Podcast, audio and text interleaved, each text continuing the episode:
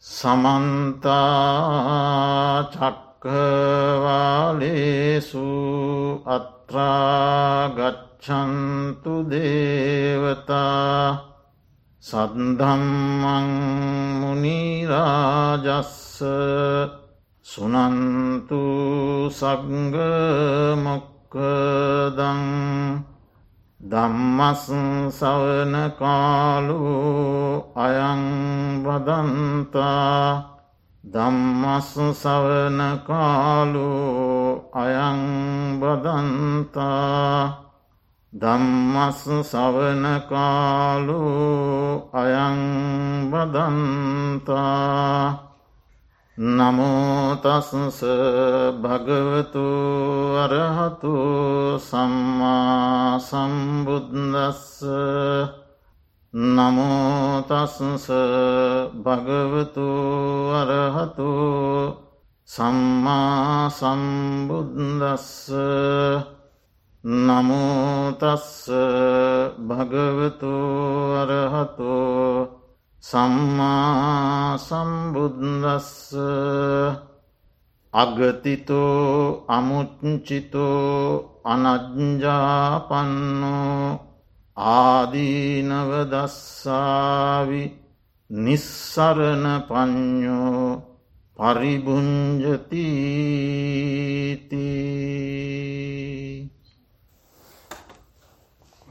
ශ්‍රද්ධාවන්ත කාර්මික පින්වතුනි ටෙක්සාස් බෞද්ධ භාවනා මධ්‍යස්ථානාධීපති පූජනීය තවලම පුන්නජී ස්වාමීන් වහන්සේගේ අනුශාසකත්වයෙන් දෙදස් දහනමය වරසයෙහි මෙම විහාරස්ථානයෙහි පවත්වනු ලැබූ කටිනචීවර පූජා පින්කම අවසානයේ අපි කාගේත් පහසුව පිණිස දිනයක් වෙන්කොටගෙන කටිනානිසංස ධර්මදේශනාව පවත්වන්නට මේ සූදානන් වෙන්. අපි හැම වර්ෂයේම නිදහස් විවේකී දිනයක මේ පින්කම පවත්වාගෙනනු ලබනවා අප ජන්ම භූමියෙහි නැත්තන් ශ්‍රී ලංකාවේ සෑම විහාරස්ථානයකම පාහේ මේ වටිනා පින්කම සිදුවෙනවා. පළමුුවෙන් අපි දැනගත යුතු කරුණු කීපයක් තියෙනවා. ඒ තමා කටින චීවරයක් පූජා කිරීම සඳහා සම්පූර්ණ විය යුතු. කොන්දේසි මොනවාද. එක වස්වසන්නට සුදුසු. යම් සේනාසනයක නිවසක ඇසලපුර පසොලොස්වක් පොහොය දින පොහොය විනය කර්ම කර පිරිසිදු වී. ඇසලපුර පසොලොස්වක් පොහොය දිනයට පසු දිනකට කියන්නේ අව පෑලවිය කියලා පසුදින. අඩුම තරමින් එක උපසම්පන්න භික්‍ෂූන් වහන්සේ නමක් හෝ දායකයාගේ ආරාධනා ඇතත් දායකයාගේ ආරාධනා නැතත් වස් සමාදංවෙන්ට ඕන. එක නමට වැඩි ඕන තරම් ප්‍රශ්නයන්නේ අඩුම තරමින් එක නමක්. ඊට පස්සේ උන්වහන්සේ ඒ වස් සමාදං වුණ තැන වස් සීමාවක් සලකුණු කර ගන්ට ඕන. ඒ තමයි මේ තමයි මා වස්වසා වැඩ සිටින භූමිය කියලා ඒ භූමියයේ සීමාවක් හතර කොනේ සීමා සලකුණක් කරගන්නට ඕන. ඉන් පස්සේ ඒ සමාදන් වුණ වස් ශිස්සාපදය ආරක්ෂා කරගන්ට ඕන. යම් හෙයකින් එදින රාත්‍රයේ වෙනත් ප්‍රදේශයක වාසය කරන්නට යන්නේ නම්. ඒ වස්සීමාව ඉක්මවන්නට පෙර. සීමාවෙන් එලියට යන්න පෙර. අධිෂ්ඨාන කරගණ්ඩ ඕනේ මම බැහැරට වඩිනවා මට අද එන්න වෙන්න හද්දවසක් ගතවෙන්නට පෙර. එකන හද්දවසේ අරුණ නැගෙන්න්නට පෙර. මම නැවත වඩිනවාගෙන අධිෂ්ඨානයෙන් පිටත් වෙන්න ඕන. එම අධිෂ්ඨාන කරගණ්ඩ බැරුව අමතකවීමකින්. ඒ සීමාවෙන් එලියට ගියොත් ඒ ගමන නවත්තලා අයෙන්න්න ඕන. එහෙම නැතුව අය අධිෂ්ඨානයක් හෝ සිතුවිල්ලක් අධිෂ්ඨාන කරලා සිතුවිල්ලත් තිබ්බත් ඇති. එම සිහිනුවනින් තොරව ගියොත් එන්න බැරිවුණොත් මෙතන සිහියෙන් තොරවයි ගිය තොට වස් කැඩෙනවා. ඒ විදිහට ඒක බහා ලොකු වැඩක්. නිතර සිහියෙන් යුක්තව එක ඒ සමාදන් වුණ වස ආරක්ෂා කර ගණ්ඩුවන්. ඡේදනය නොවී කණ්ඩනය නොවී කැඩෙන්න්නට නොදී ආරක්ෂා කර ගණ්ට ඕන. ඊළඟට වප්පුර පසොලොස්වක් පොහොය දවසි. එකන ඔක්තෝම්බර් මාසි පෝය. එදිනට පවාරණ විනය කර්මය කරන්න ඕන. පවාරණය ගැන වස් අවසංකිරීමක් නෙවෙයි. ඒක තමන්ට අවසං කරන්න දෙයන්න වස්කාලිවරණකොට වස් අවසං. පවාරණය කියන්නේ සංගහාගේ සමගිය උදෙසා කරන විනය කර්මයක්. සීමාමාලකයකට එකතු වෙලා ජේෂ්ඨ භික්‍ෂූන් වහන්සේලා නවක භික්‍ෂූන් වහන්සේලා තම තමන්ගේ අතින් යම් වරදක් සිදු උනේ නම් සිදු උනේ යැයි ඇසුවේ නම් සිදු උනේ යැයි සැක ඇත්නම් මගේ ඇතින් යම් වරදක් වෙනවා ඔබවහන්සේ දුටුවේ නම්. දුටුවේ නැතත් ඔබවහන්සේට අසන්නට ලැබුණේ නම්. මගේ ඇතින් යම් වරදක් වුණා කියල ඔබවහන්සේට සැකයක් ඇත්නම්. ඒ වරද මං ඔබවහන්සේ ඉදිරියේ පවරනවා. එතවට ජේෂ්ඨ භික්ෂුවත් එහෙමයි. නවක භික්ෂුවත් එම. ඔවුන් ඔවුන් කෙරෙහි තම තමන්ගේ වරද පෙන්නා දෙන ලෙස දුටු හෝ ඇසූ හෝ සැක සහිත හෝ. ඒ පාරිශුද්ධිය උදෙසා. සංගයාගේ සමගිය උදෙසා. කරන විනේ කර්මයක්. ඒකට නිධාන කතාවක් තියෙනවා ඇති ඒවා කියන්න ගියොත් කාලය ගොඩක් යන. ඒක එහෙම බුදුරජා ඔය හැම එකක්ම බුදුරජාණන් වහන්සේ පනවන්නේ හේතුවක් ඇතිව. හේතුවක් නැතුව පනවන්න. එතවට ඔන්න පවාරණය කියන්න මොකක්දේමනම් සංඝයාගේ සමගිය උදෙසා දේශනා කළ විනය කරමයක්. එතෝට ඒ විනය කර්මය කරන්නට ඕන. එතෝට දැන් වස් සමාදන් වෙන්ඩ ඕනේ වස් ආරක්ෂා කර ගණ්ඩ ඕනේ පවාරණ විනය කර්මය කරන්නට ඕන. අන්න එවැනි භූමියක. එවැනි සෙනසුනක. කටිනස්ථාර විනය කර්මය කරන්න පුළුවන්. කාටද කටිනයක් පූජා කරන්න පුළුවන්. දෙවියෙකුට පුළුවන්. මනුෂ්‍යයකුට පුළුවන්. භික්‍ෂුවකට පුළුවන්. භික්‍ෂුණියකට පුළුවන්. සාමනේර කෙනෙකුට පුළුවන්. සාම නේරී කෙනෙකුට පුළුවන්. උපසම්පදාව සඳහා හික්මමින් ඉන්න කෙනෙකුට පුළුවන්. ඔන්න ඔය හත් දෙනෙන් ඕනම කෙනෙකුට පුළුවන් කටිනයක් පූජා කරන්නට භික්‍ෂූන් වහන්සේලා උදෙසා. දැහිති ඔය ඇත්ව ඇති වෙන්නේ මිනිස් කියන කොටසට ඔන්න මනුෂ්‍යයන්ට පුළුවන්. දෙවියකුටත් පුළුවන්.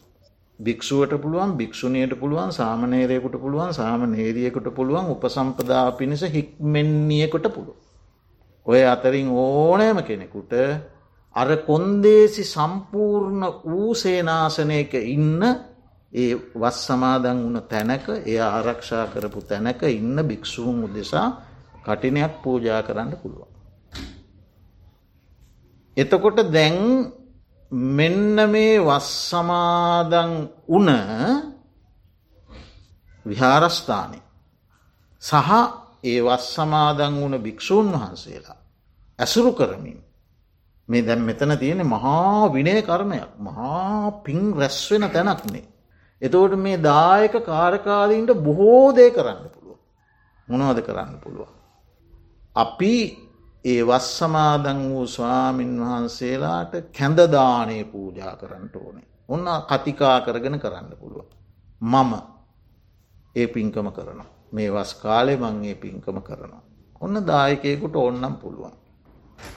එහෙම නැත්නම් පුළුවන් මම මේ වස්කාලය තුළ සතර පෝවයටම සිල් සමාදන් වෙනවා. එක දවසක්වත් අත්ම හැර. ඔන්න දායකයොන්ට කරන්න පුළුවන් වැඩ.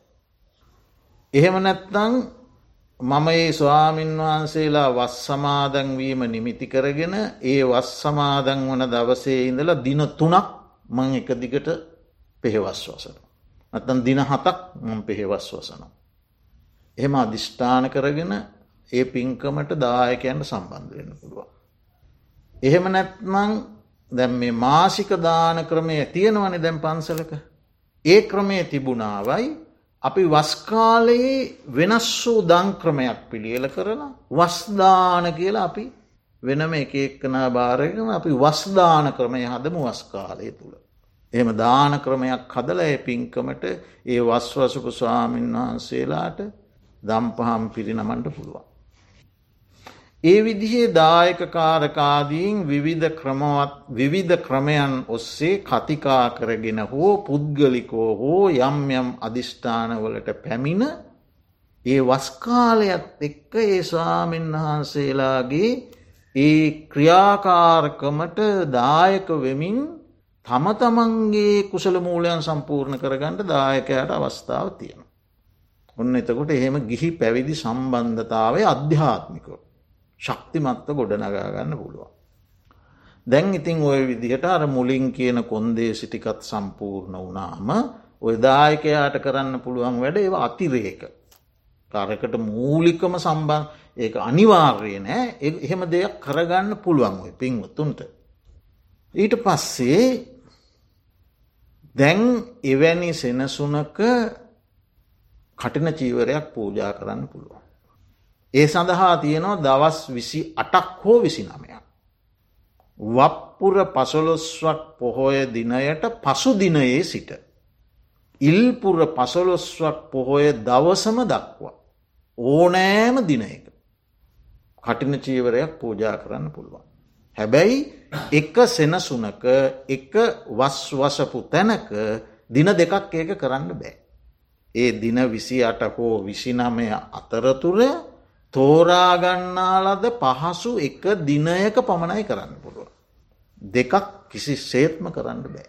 කටින පින්කන් දෙකක් කරන්න බෑ. එක වර්ෂයකට එකයි. එක සෙනසුනක. දැන් ඒ කටින චීවරය සඳහා ගත හැක්කේ කුමක්ද. ගත හැකි චීවර තුනක් තියෙන. දෙපට සිවුර තනිපට සිවුර සහ අඳනේ. ඔය තුනෙන් ඕනම එකක් කටිනයක් සඳහා ගන්න පුළුවන්. අසවල් සිවුරම ඕනය කියල ස්තිරණෑ නියමිත නෑ දායකයාගේ හැකියාව කැමැත්ත අනු. තුන් සිවුරෙන් එක. ඒ සඳහා දායකයා පූජා කරනු ලබන්නේ චීවරයක් නොවේ නම්. චීවරයක් සකස් කර ගැනීමට ප්‍රමාණවත් වස්ත්‍රයක් නම්. මසානිම කළ සිවුරක් නෙවෙයි නම් පූජා කරන්නේ මහල හදාගන්ට ඕනෑ වස්ත්‍රයක් නම් එතකොට දායකයාට පුළුවන් ඒ වස්ත්‍රයත් එය මසා නිම කරගන්ට අවශ්‍ය නූල් ඉදිකටු ආදී උපකරණත් පූජා කරන්නට. එසේ වස්ත්‍රයක් පූජා කරන්නේ නම් එය ඒ පින්කම පවත්වන දිනයේ අරුණ නැගුණාට පස්සේ. අරුණ කියන්නේ නැගෙනහිර අහසේ හිරු නගින්නට ආසන්නයේ තියෙන රත් පැහැති ආලෝක තත්වේ. ඒ අරුණ නැගුණාට පසු හැකිතාක් හිමිදිරි උදෑසන පූජා කරන්නුව. මොකදී. ඒ දවස ඇතුළත. ඒ වස්ත්‍රය කඩකපන්න ඕනේ බොරුනූලෙන් එකතු කරන්න ඕනේ ස්තීර මැස්මෙන් මහන්ඩෝනේ පඩුපවන්ඩෝනේ වේලන්ට ඕනේ සංගෙහාට භාර දෙෙන්ඩෝනේ සංඝයායක වස්වසකු භික්ෂුවකට පවරන්ඩ ඕනේ වැඩ ගොඩක් තියෙනවා. එක දවස ඇතුළත කරන්න. එක පහුවදාකරොත් කටිනයක් වෙන්න. පූජා කරන්න පුළුවන් එදා දවස කරන්න බැරිවුණොත් කටිනයක් නෙවෙයි. එ දවස ඇතුළෙම කරන්න. ඒ නිසා හැකි තාක් අලුයම් කාලයේ වැඩ නිම නොකළ සිවුරක් නම් පූජා කරන්නට ඕන. පූජා කළ යුත්තේ කාටද. වස්වසපු හාමුදුරුවන්ට නෙවෙයි. පූජා කළ යුත්තේ සංඝයාට දායකයා පූජා කළ යුත්තේ මහා සංකරත්නයට. වස්වසපු හාමුදුරුව අරමුණු කරගෙන නෙමේ මහා සංගරත්නයට. ඒ පූජාව පිළිගැනීමට කීනමක් අවශ්‍යද. වස්වසපු ස්වාමීන් වහන්සේලාත් ඇතුළත්ව අඩ්ඩුම තරමින් පස්නමක් ඕන. පස්නමට අඩුව බෑ. උපසම්පදා ස්වාමීන් වහන්සලා පස්නමක් ඉදිරියේ තමයි අඩුම ඊට වැඩි ඕන තරම් ප්‍රශ්නයන්න ඒ කටින වස්ත්‍රය පූජා කරන්නට ඕන. සඟ සතු. සංඝික පූජාව. එතකොට ඒ පූජාව සඳහා තම විහාරස්ථානයේ පස්නමක් නැත්නම් පිටතිං ස්වාමීන් වහන්සල වඩම්මා ගණ්ඩුවන්.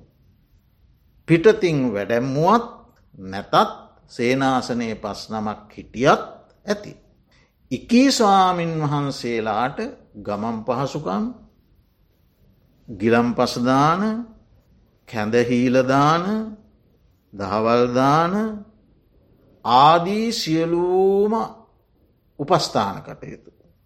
ඒ දායක කාරකාදීන්ට පැවරෙන. පින්කම සඳහා වඩින්නා වූ සාමීන් වහන්සේලාට. එතකොට වැඩ නිම කළ සිවුරක් නම් දහවල් කාලයේ පූජා කළත් ඇති. ඒ ඉතිරි වෙලා තියෙන්නේ වැඩ අඩක් පමණක් නිසා. දැන්ගේ මහා සංගරත්නයට ඒ වස්ත්‍රය පූජා කළැන් පස්සේ උන්වහන්සේලා විසින්. ඒ වස්ත්‍රය කඩකපා මසානිම කිරීමට සමත් නම් එක උන්වහන්සේලා කරාවි.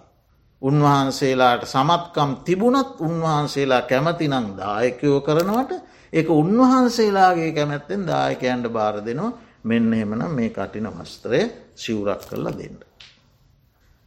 දැන් ඒ සිවුර නැවත මහා සංගරත්නයට භාර කරැන් පස්සේ මහා සංගරත්නය තීරණය කළ යුතුයි ඒ කටින චීවරය භාරදිය යුත්තේ කාටද. ඒක දායකයන්ට තීරණය කරන්න බෑ. ඒ සීමාවේ වස්වසා සිටින්නේ එක ස්වාමින් වහන්සේ නමක් නං අය දෙක් තීරණය කරන්න දෙයක් නෑ.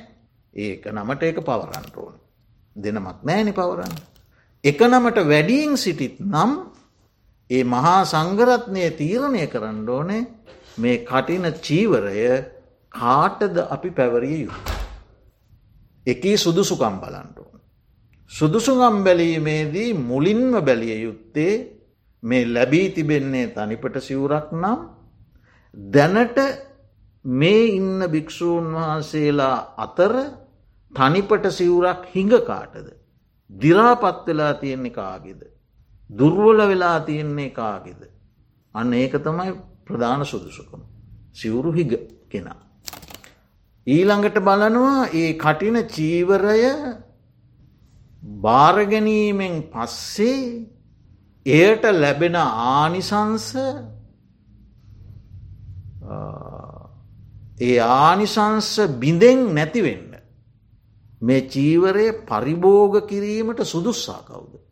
ඔය කියන ලද සුදුසුකම්. බලලා මහා සංගරත්නය තීරණය කරනවා මේ කටින වස්ත්‍රයේ මේ කටින චීවරය සංඝහා විසින් අසවල් භික්‍ෂුවට පවරනු. එහෙම තීරණය කරලා එකට කැමැත්ත ගණ්ඩුවන්. ඒක විනය කර්මයක් මගින් සංඝහාට දැන්වාම සංඝයායකට කැමැත්ත දිය යුතුයි. විරෝධතා තියනවනම් ඉදිරිපත් කරන්න පුළුව මම විරුද්ධ ඒයාට කටින චීවරය දෙනවට. එලා විරෝධතා ඉදිරිපත් කරන්න පුළුව. එහෙම වෙන්නෑ බොහෝදුරට. ඉතින් එහෙම සංඝයා කැමැත්තහන මේ අසවල් භික්‍ෂුවට මේ චීවරය පවරනෝ කැමතිනම් තූස්නීම් භූත භාවයෙන් ඉන්ට නිහැඩුව. අකමැතිනම් විරෝධා ඉදිරිපත් කරන්න පුළුව. එ ඒ ඔක්කොම විනය කර්ම. එතට ඔබ හිතන්න කටින පින් කටින පින්කමක් කියන්න මේ සරල දෙයක් නෙවෙයි. මහා විනය කර්ම රාශයක එකතුවක්. ඊට පස්සේ ස්වාමීන් වහන්සේට මේ කටින චීවරේ මහා සංගරත්නය විසින් පැවරුවාට පස්සේ උන්වහන්සේටත් කරන්න වැඩ ගොඩක් තියෙන.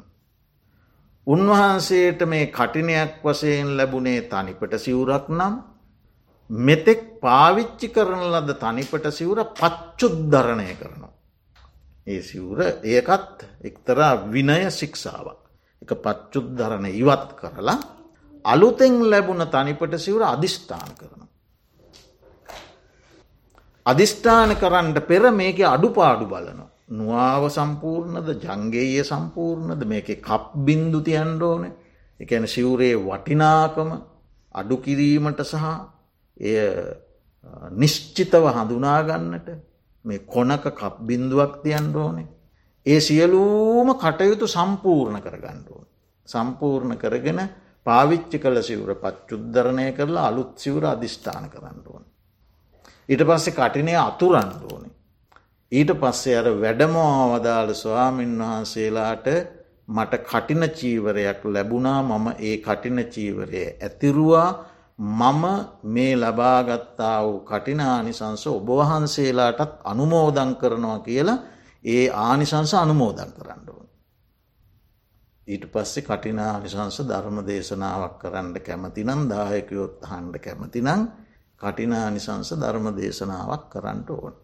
ඔන්න ඔය විදිහේ ලොකු වැඩ සටහනක් කටිනය කියල කියන්න. මේවා හැම එහෙකම නිධානයක් තියෙනවා ඒ නිධාන කතා කරේ නෑමං මොකද හේතුව කාලය සීමිත නිසා.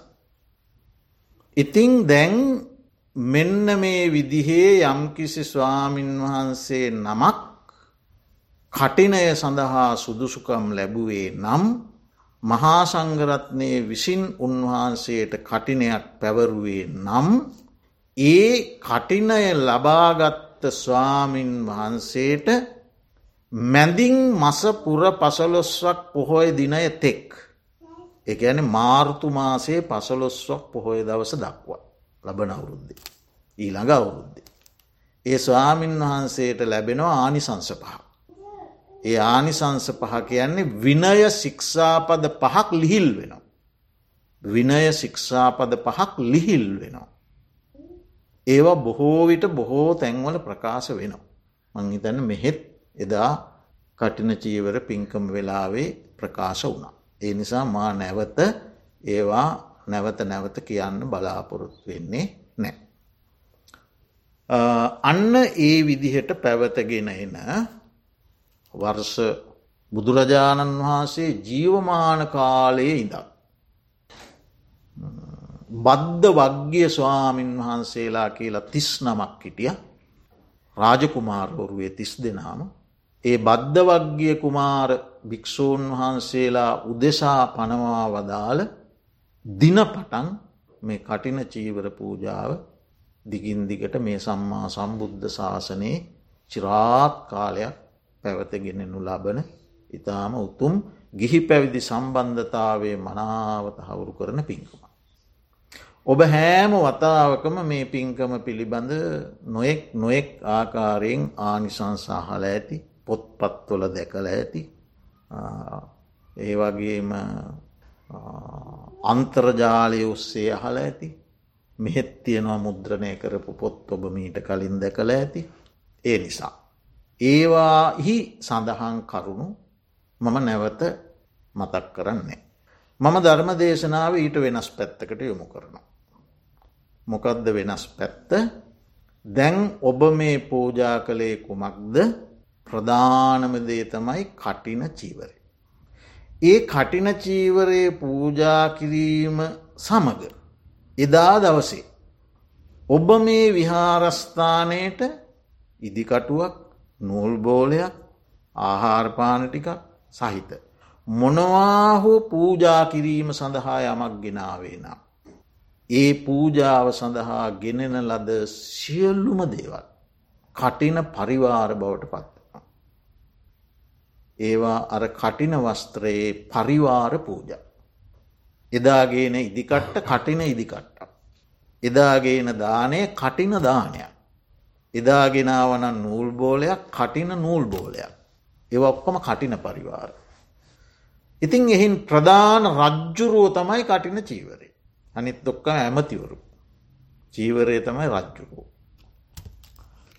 එතකොට මේ චීවරය ප්‍රධාන කොටස් දෙකක් තියෙනවා. දැම්මම යන්න මේ චීවරය පැත්තගෙන කතා කරන්න. ඒ මොනවද පාංශකූලික චීවරය සහ ගහපති චීවර. පාංශකූලික චීවර කියල කියන්නේ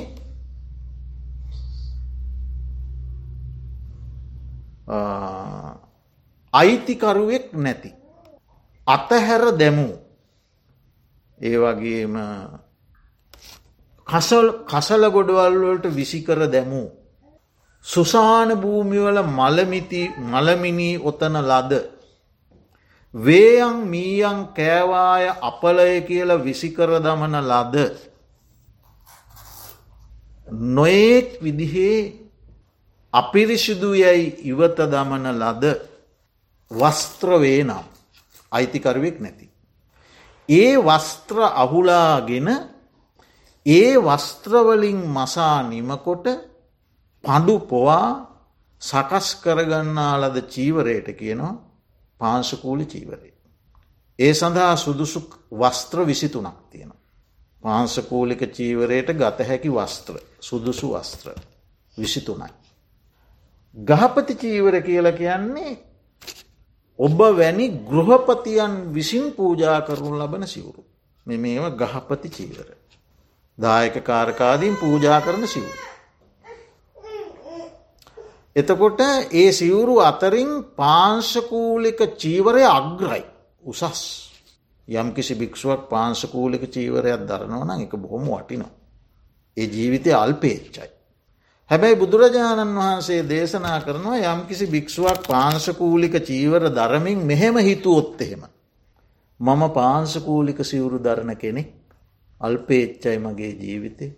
අනිත් භික්‍ෂූන් වහන්සේලා මා වගේ පාංශකූලික සිවුරු දරන්නේ කියලා තමන් උසස් කොට සලකනවන. අනිත් අය පහත් කොට සලකනවන. මම පාංශකූලික සිවුරු දරණ කෙනෙක් කියලා මම උසස් කොට සලකනවනම් අනිකා පහත් කොට සලකනවන. ඒක අසත් පුරුෂකමක් කිව්ව. මම නෙමේ කියන්න බුදු හාමුදුරු. මජ්ජිමනිකාය සප්පුරුෂ සූත්‍රයේ. එක අසත්පුරුෂකම. ඒ නිසා ඒ වින්හේ අත්තුක්කංසන පරවම්බන තමන් උසස් කිරීම අනුම් පහත් කිරීම. ඒයට නොයා යුතුයි. ඒක හොඳ දෙයක් වුණත් ඒකෙන් තමන් උසස් කරලා සලකන්න එපාකිවෝ. ඉතින් ඔය විදිේ චීවර දෙකයි. ඊළඟට දෙපට තනිපට අඳන සිවුර. ඒක දැන් ඔබ දන්නවා ඉස්සල්ලත් කිව්වා. එතවට මේ ගෘහපති චීවරෝල්ට තමයි මේ කටිනය අයිති. ගෘහපතියන් විසින් පූජා කරනු ලබනදේ. එක පාංශකූලිකයක් නෙමේ. කටිනේ අයිති ගහපති චීවර. දැම් බලමු අපි මේ චීවරයේ තියෙන වටිනාකම්. එක මේ චීවරයක් දැරීමෙන් එක හැමෝටම දරන්න පුළුවන් දෙයක් නෙමේ. මෙතන කී දෙනෙක්කින් නො මෙතට නොආපු කී දෙනෙක්කින්නවා. අඩුම ගාන චීවරයක් දරණ කෙනෙක්ගෙන් බණටිකක් හන්ඩ ඉදිරිපත් වෙන්න කී දෙනයිද. නේද චීවරයක් දරනව කියන එක ලේසි නෑ. කෝටි සංඛ්‍යාත ජනකායන් අතරින් ඉතාම සීමිත කෙනෙකුට තමයි චීවර දැරීමේ වාසනාව ලැබෙන්. එතකොට ඒ චීවරය දැරීම නිසා කලක් මම් පහරන්න වූ පසුව රහතන් වහන්සේලා වෙලා තියෙනවා. කලක් සොරකම් කරන්න වූ පසුව මහරහතන් වහන්සේ වෙලා තියෙනවා. කලක් කුල පීඩාවෙන් පීඩාවිදුනු ලැබූ පසුව සක්‍ර දේවේන්ද්‍රයන් මහා බ්‍රහ්මයාගෙන් පවා වැඳුම් ලබල තියෙන. සුනීත සෝපාක සුප්පිය රජ්ජුමාලා වැනි අය. අනුන්ගේ බැලමෙහෙවරකම් කරමින් ජීවත් වන්න වූ. පසුකාලෙ දෙවියන් සහිත ලෝකයාගෙන් වැඳුම් ලබල තියෙනවා. තැන තැන ඉල්ලාගෙන කමින් යන්නෝ. පසුකාලේ ලෝකයාගේ මහත් ගරුබුහුමන් ලබල තියෙනවා. රජවරුන්ට වැඳුම් පිදුම් කරමින් රජවරුන්ගේ යටත් වැසියන් වසයෙන් හිටපු. බදු බර ගෙවූ අය ඒ බදු බරවලින් නිදහස් වෙලා පසුකාලේ ඒ රජවරුන්ගෙන් වැඳුල් ලබල තියෙන. කලින් රජ්ජුරුවන්ට වැඳ වැඳ හිටපු මිනිසු. පසුකාලයේ සියලු බදු බරෝලින් නිදහසල රජ්ජුරුරුන් වැඳුම් ලබල තියෙනවා. රජවරු රජකම් අතහැරලා. මේ චීවරය දරාගෙන අහෝසුකං අහෝසුකං අහෝසුකං කියලා මහත් වූ මානසික සැපවිඳලා තියෙනවා. බද්ධිය කියන රාජකුමාරයා ගහක් මුල්ලට වෙලා ඉඳගෙන අහෝසුකම් මේ රජකම අතහැරල ඇවිල්ල. රජකාලයේ ලබන්ඩ බැරිවුණ සැපක් මේ ජීවරේදාගෙන ලබල තියෙනවා. ගහක් මුල්ලට වෙලා කියන අහෝසුකං අනේ සැපයි අනේ සැපයි. මොකද රජකාලෙ තිබුණ කිසිම පීඩාවක් ප්‍රශ්නයක් ගැටලුවක් බයක් තැති ගැනීමක් සැකයක් මොකක්කත් නෑදෑ. එම චීවරය. ඒ නිසා. උපාලි මහරහතන් වහන්සේ දේශනා කරනවා උපාලි මහරහතන් වහන්සේ කියලා කියන්නේ විනයවාදී භික්‍ෂූන් අතර අග තැම්පක් කෙනා. පළවෙනි ධර්ම සංගායනාවේදී විනය සංගායනා කළේ උපාලි මහරහතන් වහන්සේ. ඉන් අනතුරුව සංගීතිකාරක මහරහතන් වහන්සේලා පන්සීයක් උපාලි මහරහතන් වහන්සේ ඇරුණකොට හාරසිය අනූ නමයක් ඒ හාරසි අනූ නමේ ඒකමතිකව මේ බුදුරජාණන් වහන්සේ දේශනා කළ විනය නොනැසී පවත්වාගෙන යෑමේ වගකීම. උපාලි මහරහතන් වහන්සේ ප්‍රධාන භික්‍ෂු පිරිසට බාරදුන්න. ඉතිං අද අපි ඔය විනය ගැන කතා කරන්නේ ඒ මහරහතන් වහන්සේලා කටපාඩමෙන් පවත්වගෙනාපු නිසා. ඒ උපාලි මහරහතන් වහන්සේ කියන්නේ ශස්ත්‍රිය වන්සිකයන්ගේ කෙස් කපපු කෙනා. කපු කුලයේ. අද කුලය ගැන කතා කරන අයට බොහොම හොඳ පාඩමක් දෙනවා. ඒ කෙස් කපපු කෙනෙක් තමයි විනය පිටකේ මෙතෙක් කාලයක් පවත්වාගෙනෙන්ට දායක වෙලා තියෙන. සාක්‍යය වන්සිකයන්ගේ කෙස් කපපු කෙනෙක්. එතකොට ඒ උපාලි මහරහතන් වහන්සේ දේශනා කරනවා කසල ගොඩක දැක්කොත් එහෙම විසිකරල දාලා තියෙන චීවරයක් කහල ගොඩක අහෝ බුදු පසේබුදු මහරහතන් වහන්සේලා පරිහරණය කරන ලද අරහත් දජයක් නේද මේ කියන අදහස ඇතිකරගෙන ඒ කසලගොඩේ දමා තිබෙන චීවරටත් වඳින්ට සුදුසුයි කියන. අපදාන පාලියතියෙන්. උපාලිත් තේරාපදානේ. එ මහරහතන් වහන්සේ නමකගේ ප්‍රකාශය. එතකොට අන්න එකී චීවරය ගැන මම අද මේ කියල දෙන කාරණය වෙන කුමකටවත් නෙමේ කියල දෙන්නේ. ඔබ සියලු දෙනා තුළත් මා තුළත් බුදුරජාණන් වහන්සේ කෙරෙහි. තිබෙන ශ්‍රද්ධාව වැඩි කිරීම පිණිසමයි. වෙන කිසිවක් පිණිස නොයි. මොකක්ද මේ කියල දෙෙන්ඩ යන්නේ. මේ ලෝකයේ පහළ වුණ යම්තාක් ශාස්තෘුවරු වෙද්ද. ඒ ශාස්තෘුවරු අතර තමන් අඳින ඇඳුමෙන් නිවන්දකින්ට පුළුවන් කියලා මෝක්ෂේ ලබන්ඩ පුළුවන් කියලා සසරින් නිදහස් වෙන්ඩ පුළුවන් කියලා පෙන්වානං යම් කෙනෙක් ඒ පෙන්නපු එකම ශාස්තෘුවරය බුදුරජාණන් වහන්සේ විතරමයි. මේ ඇඳුම තුළ නිවන තියෙනවා කියල. වෙන කවුරුත් පෙන්නලානෑ. මේ චීවර පරිභෝගය නිවන්දකින මාර්ගය ඒ කොහොමද. තියෙනවා අංගුත්තර නිකායේ චතුක්ක නිපාතයේ අරියවංශ සූත්‍රය කියලා දේශනාවක්. එක මහාරියවංශ දේශනාව කියලා හඳුන්වනවා. ඒ දේශනාවේ තිබෙනවා කරුණු හතර. ඒ හතරෙන් එකක් මම මේ කියල දෙන්නේ. යම්කිසි ස්වාමින් වහන්සේ නමක් ඉතරීතර චීවරේන සන්තුට්ටෝ හෝති. තමන්ට ලැබෙන්න වූ සිවුර. කුමක් හෝවේවා. ඒ ලැබෙන්න වූ සිවුරෙන් සතුටු වෙනවා නම්. ඒ සතුටට කියනවා සන්තුට්ටෝ හෝති කියල්. දැ මට ලැබුණ සිවුරෙන් මං සතුටු වෙන්ටෝන්. ඊළඟට වන්නවාදී ඒ ලැබුණා වූ සිවුරෙන් සතුටුවීම ගැන එහි වටිනාකම ඒක මහා ගුණයක් කියලා අන්න අයට කියල දෙන්නඩුවන්. ඔබත් ලැබෙන සිවුරකින් සතුටුවෙන් ඩායශ්මතුන් වහන්ස. කියල නවකයන්ට නවක භික්‍ෂූන්ට හික්මෙන භික්‍ෂූන්ට අලුතෙන් ශාසනයට ඇතුල්ලුනායට මේ චීවර සන්තුට්ටිය ගැන වර්ණනා කරන්න ඕන. එක උගන්නන්න ඕන කියල දෙන්න ඕන. කිසි දෙයක් බලාපොරොත්තු නොවී. තිගෙන වන්න වාදී ඊළඟට. අනේසනං ආපජ්ජති. මේ හොඳ හොඳ හොඳ හොඳ හොඳ හොඳ සිවුරු. නොයෙක් නොයෙක් උපක්‍රම මගින් සොයන් නැතිවෙන්න ඕන. නොසොයා ඉන්ඩෝන්. අනේසන ඒසන කියන්නේ සොයනවා කියන. ඒසන සොයනවා. ඒසන ගවේසන පරියේෂන හොයනවා. එහෙම නොයෙක් නොයෙක් සිවුරු හොයන් නැතිව ලද දෙකින් සතුට වෙන. ඒව හොයන්ඩ යන්නේ. අකට යුතුකම්මොලින් සිවුරු හොයන්ට නොගිහිල්ල ලැබුණ චීවරයකින් සතුට වෙන්ඩුව. අනේසනං අපපතිරූප. ඊළඟට යම් විදිහකින් තමන්ට නොගැලපෙන ප්‍රිය නොවන මනාප නොවන කැමති නොවන බර්ර ගොරෝසු අකමැති සිවුරක් ලැබුණත් න පරිතස්සති ඒකෙන් තැති ගණ්ඩ එපා කියන. එකෙන් තැති ගන්නේ නෑ. ඒකෙන් සිතේ නොසතුටක් ඇති කරගන්න. දැන්න කරුණු හතරක් කිව්ව. ලදයකින් ලද සිවුරකින් සතුටු වුණා ලද සිවුරකින් සතුටුවීමේ ගුණය කියල දෙනවා. ඊළඟට නොයෙකුත් අකටයුතුකම් වලින් සිවුරු හොයන්ට යන්න. ඊළඟට අයහපත් සිවුරක් නොගැලපෙන සිවුරක් ලැබුණත් ඒකින් ත්‍රස්ත වෙන්නේ නෑ. සිතේ බයක් තැති ගැනීමක් නොසතුටක් ඇති කරගන්නේ නෑ. න පරිතස්සති ඊළඟට ලැබුණා වූ සිවුර කුමක් හෝ වේවා. අගතිතු. ඒකේ තෘෂ්ණාවෙන් ගැට ගැහෙන්නේ නෑ. තන්හාාවෙන් ගැට ගැහෙනගේ.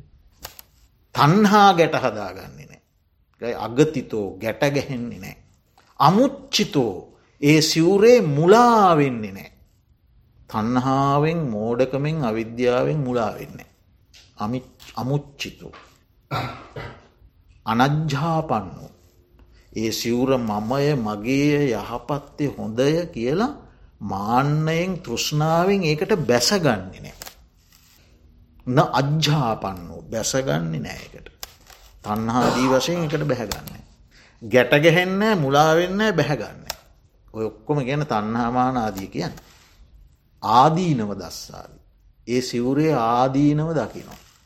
මේක කොච්චර හොඳ සිවුරක් වුණත් ඉතාම සියුම් සිවුරක් වුණා පැහැපත් සිවුරක් වුණා ඇඟට සුවගෙන දෙන සිවුරක් වුණා එසේ ගෙන නොදෙන සිවුරක් වුණා මේක ආදීනව සහිතයි.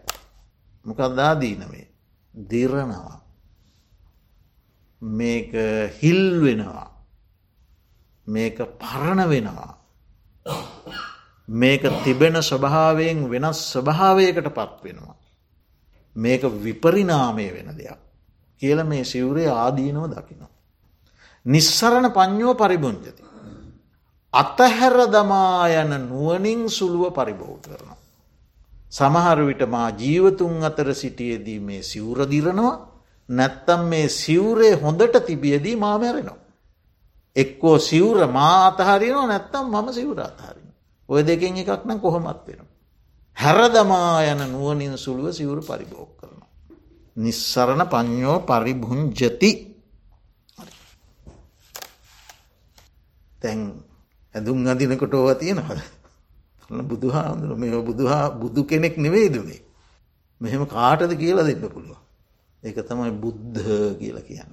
අදින වස්ත්‍රයෙන් පවා නිවන පෙන්නෝ ශාස්තෘවරය. ලෝකයේ කවද්දාකවත් අපිට හොයන්න ලැබෙන්නේ. මෙහෙම ශාස්තෘවරය. ඊළඟට නේවුත්ත නේවත්තු කන්සති නෝපරවම්බති. දැම් මේ ගුණටික ඔක්කොම සිවුරෙන් වඩනවා. දැම් මේ සිවුරෙන් මහා ගුණයක් වඩන කෙනෙක් දැම්ම ඉන්නේ.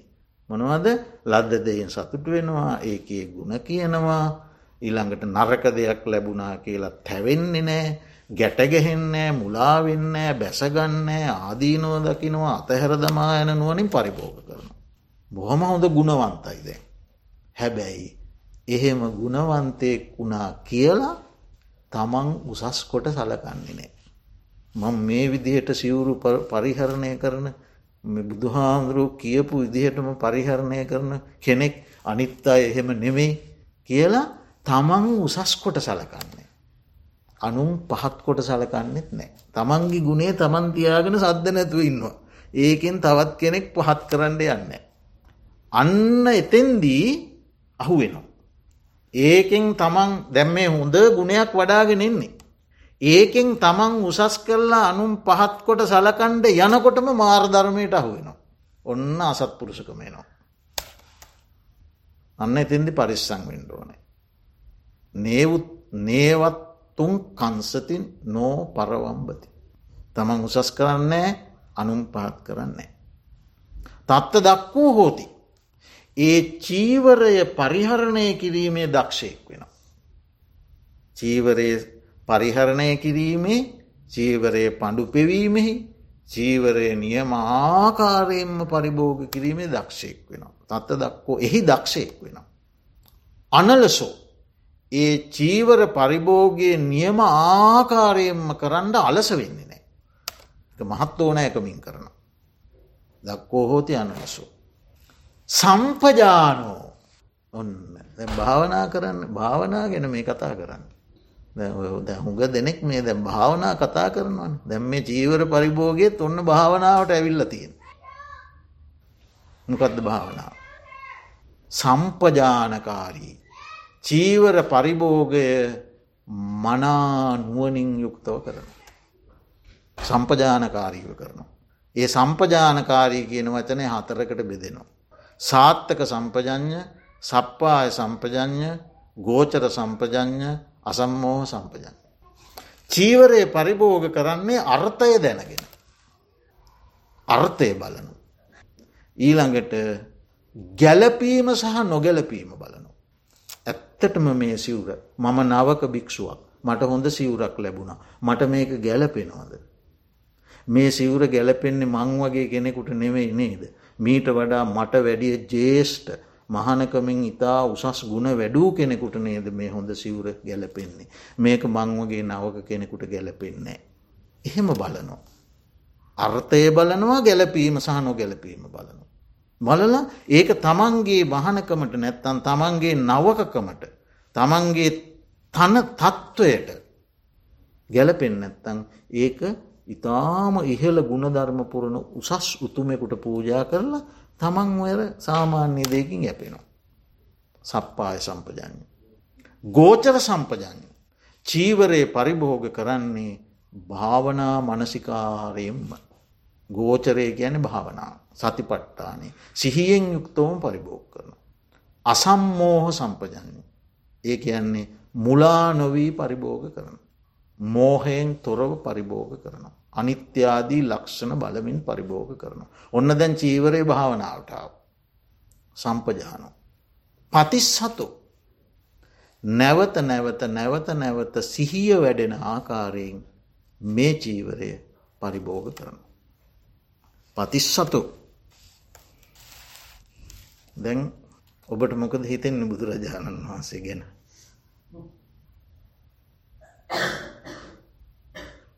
මේ කියන ලද ක්‍රමයට මම සිවුරු පරිභෝග කරන කෙනෙක් නොවෙන්න පුළුවන්.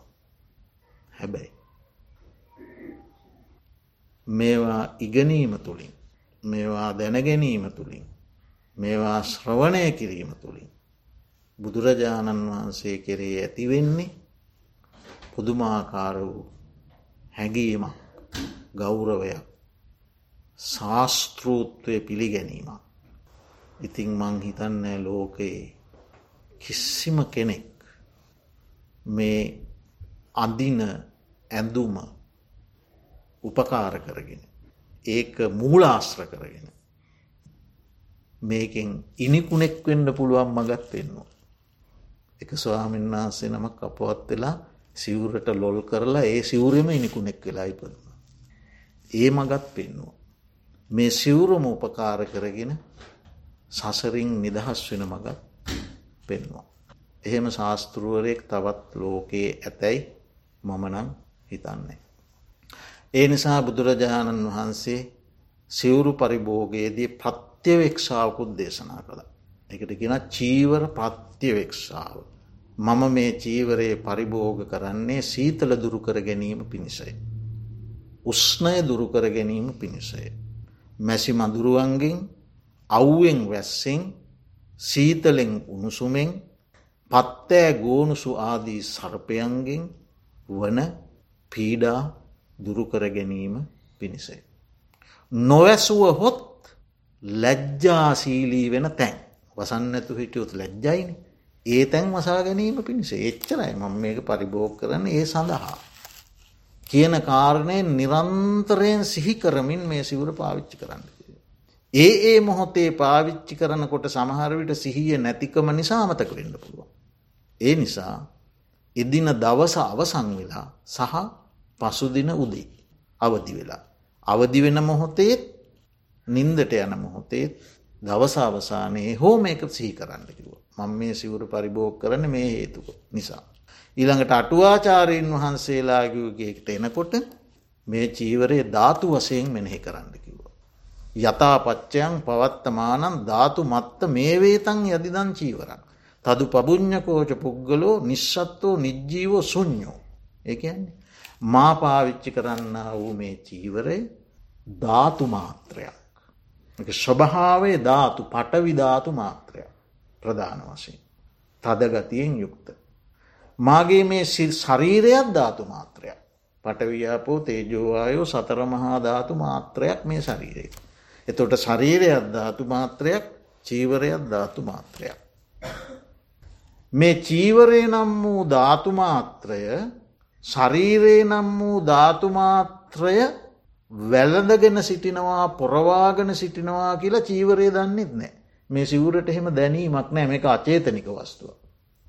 මේ ශරීරයේ සිවුර දැවටී තියෙනවා කියලා මේ ශරීරයේ දන්නෙත් නෑ එක විඤ්ඥානයත් එක බැඳුන දෙයක්.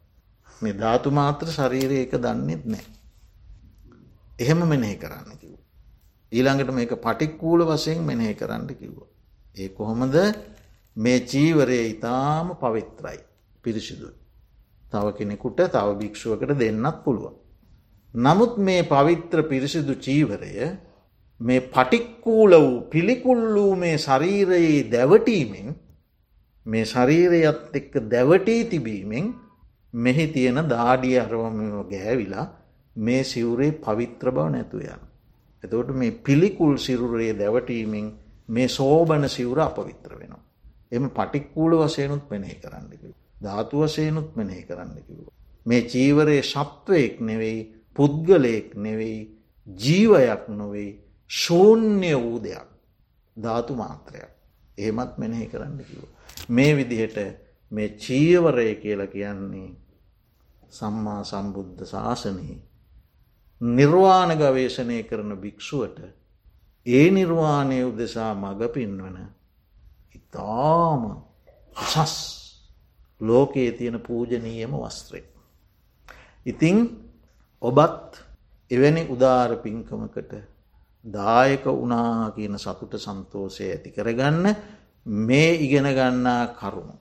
සීයට සීයක්ම අනුගමනය කරන අය ලෝකයේ නැතිවෙන්න පුළුවන්. නමුත් යම් පමණකට අනුගමනය කරන අය ලෝකෙ ඉන්නවා. සියලුම දෙනා සීයට සීයක්ම මේ තුළ නැති වෙන්න පුළුවන් නමුත් මේක තමයි ධර්මය. යමක් මට කළ නොහැකි වූ නිසාමට ධර්මය මරන්න බැන් නැත ඔබ කැමති දෙක.